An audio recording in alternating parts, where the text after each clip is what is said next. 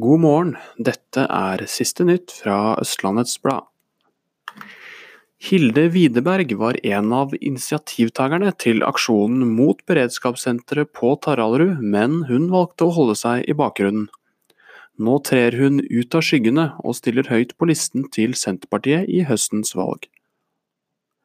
En bolig i Ingjerdstrandveien med direkte tilgang til Bunnefjorden er solgt for 14,5 millioner kroner.